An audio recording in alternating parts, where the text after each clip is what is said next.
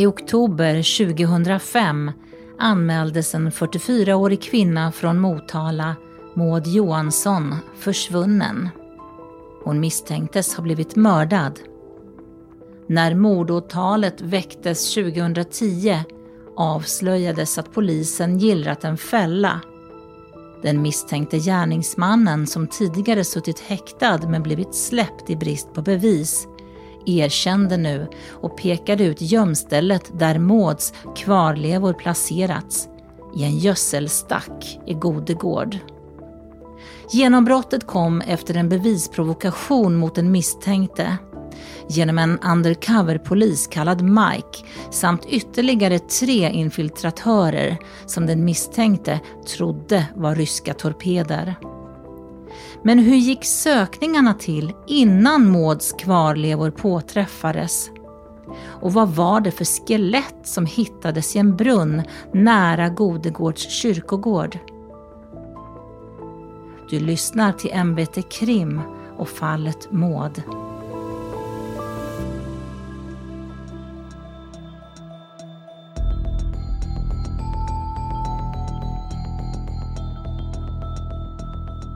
När krimreporter Maria Biamont grävt i nyhetsarkivet har hon stannat upp vid det här brottet.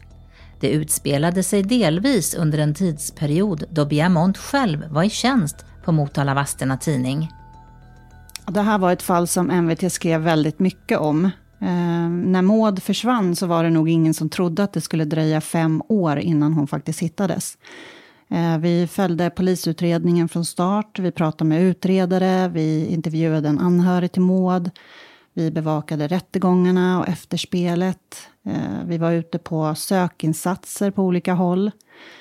Sen eh, visade det sig i slutänden att kroppen ändå fanns utanför den här fastigheten där hon hade spenderat sin sista tid i livet.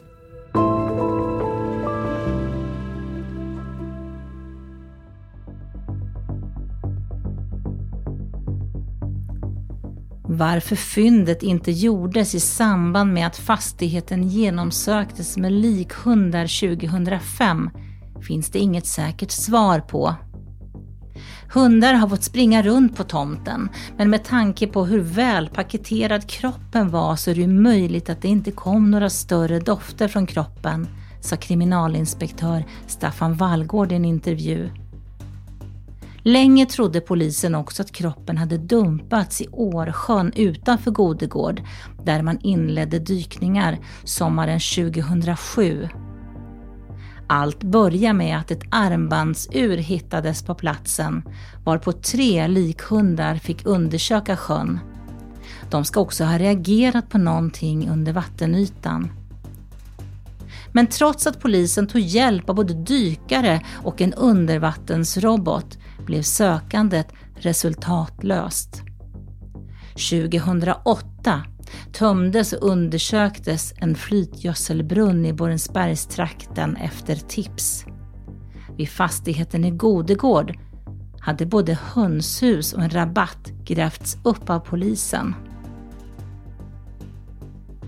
Läget såg hoppfullt ut när ett skelett hittades i en brunn nära Godegårds kyrkogård.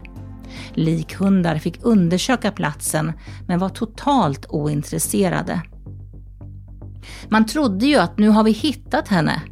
Men det visade sig vara skelettet av en bäver, berättade Staffan Wallgård.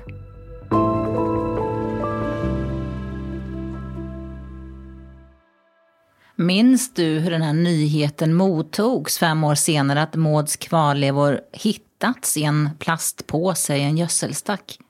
Det var väldigt stort. Vi visste att polisen hade börjat gräva i trädgården i Godgård, men eh, ingen visste ju vad det skulle ge för resultat. Så eh, när kroppen hittades så kallades vi till presskonferens i polishuset i Motala och eh, åklagare och polis kunde berätta den här nyheten. Och eh, det kändes skönt, om man kan uttrycka sig så. Eh, man tänkte att nu skulle vi äntligen få svar på vad som hade hänt med Maud. Kan du beskriva stämningen när ni fick veta det här på presskonferensen? Ja, men det var nog en lättnad för alla som hade jobbat med det här under alla år. Eh, och sen vi pratade ju även med Mauds syster efteråt och hon tyckte att det var väldigt skönt att äntligen få ett avslut.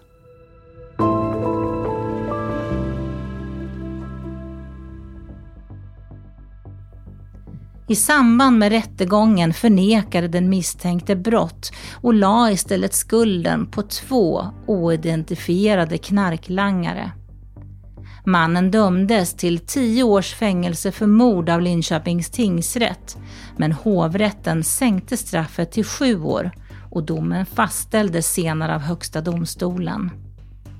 Bevisprovokationen som mannen utsattes för fick delvis kritik under rättsprocessen och under själva rättegången skedde förhör med infiltratörerna under stor sekretess.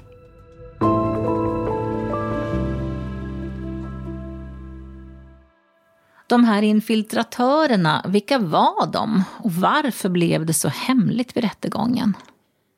Ja, de ingick i en hemlig specialstyrka inom polisen, SSI, eh, sektionen för särskilda insatser.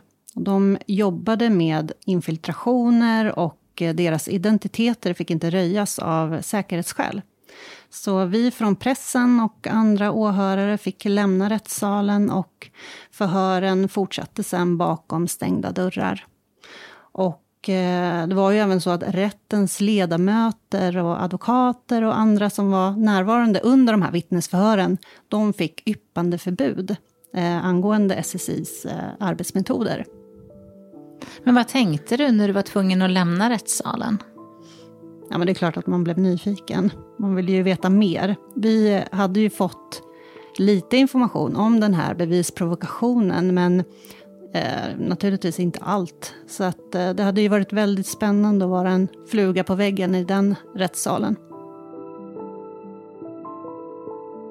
Du har lyssnat till ett avsnitt av MVT Krim som den här veckan handlade om fallet Maud. Just nu kan du läsa mer om händelsen på mvt.se och även få inblick i hur kriminalkommissarie Per-Åke Ekholm, Motalapolisens spaningsledare vid tillfället, upplevde telefonsamtalet från kriminalteknikerna när de fann Maud Johanssons kvarlevor. MBT Krim är en podd från Motala Vadstena Tidning och görs av mig, Rita Furubring och Maria Biamont. Ansvarig utgivare Lina Handberg. Lyssna gärna också på våra systerpoddar Brottsplats Norrbotten och Gotländska fall. Flera avsnitt finns där andra poddar finns.